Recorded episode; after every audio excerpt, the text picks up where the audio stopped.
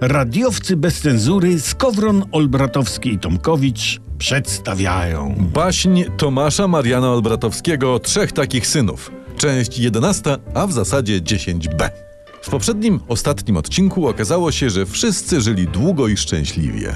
Jeden z trzech braci, trzech synów, był ślusarzem, drugi tokarzem, a trzeci kalendarzem. I pytacie nas w mailach na kontakt małpa radiowcybezcenzury.pl No ale co?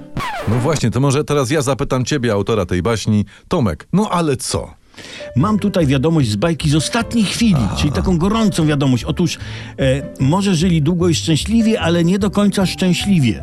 A dlaczegoż to, że tak może zapytam po bajkowemu? Bo chory ojciec, którego jak pamiętamy wystawili z łóżkiem na zewnątrz, bo jęczał i przeszkadzał braciom spać, wkurzył się i zlikwidował braciom telewizor w domu.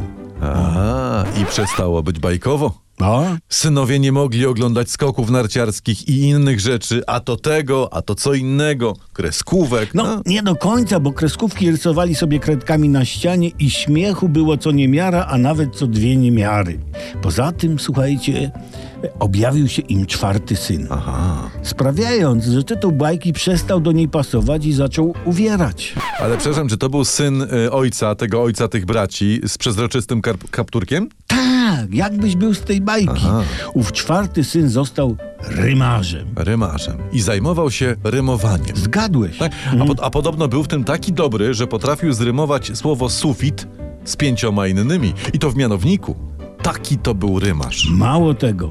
Mało tego, dodajmy, był w stanie zrymować słowo sufit ze słowem chrząszcz i nazwą suprasil.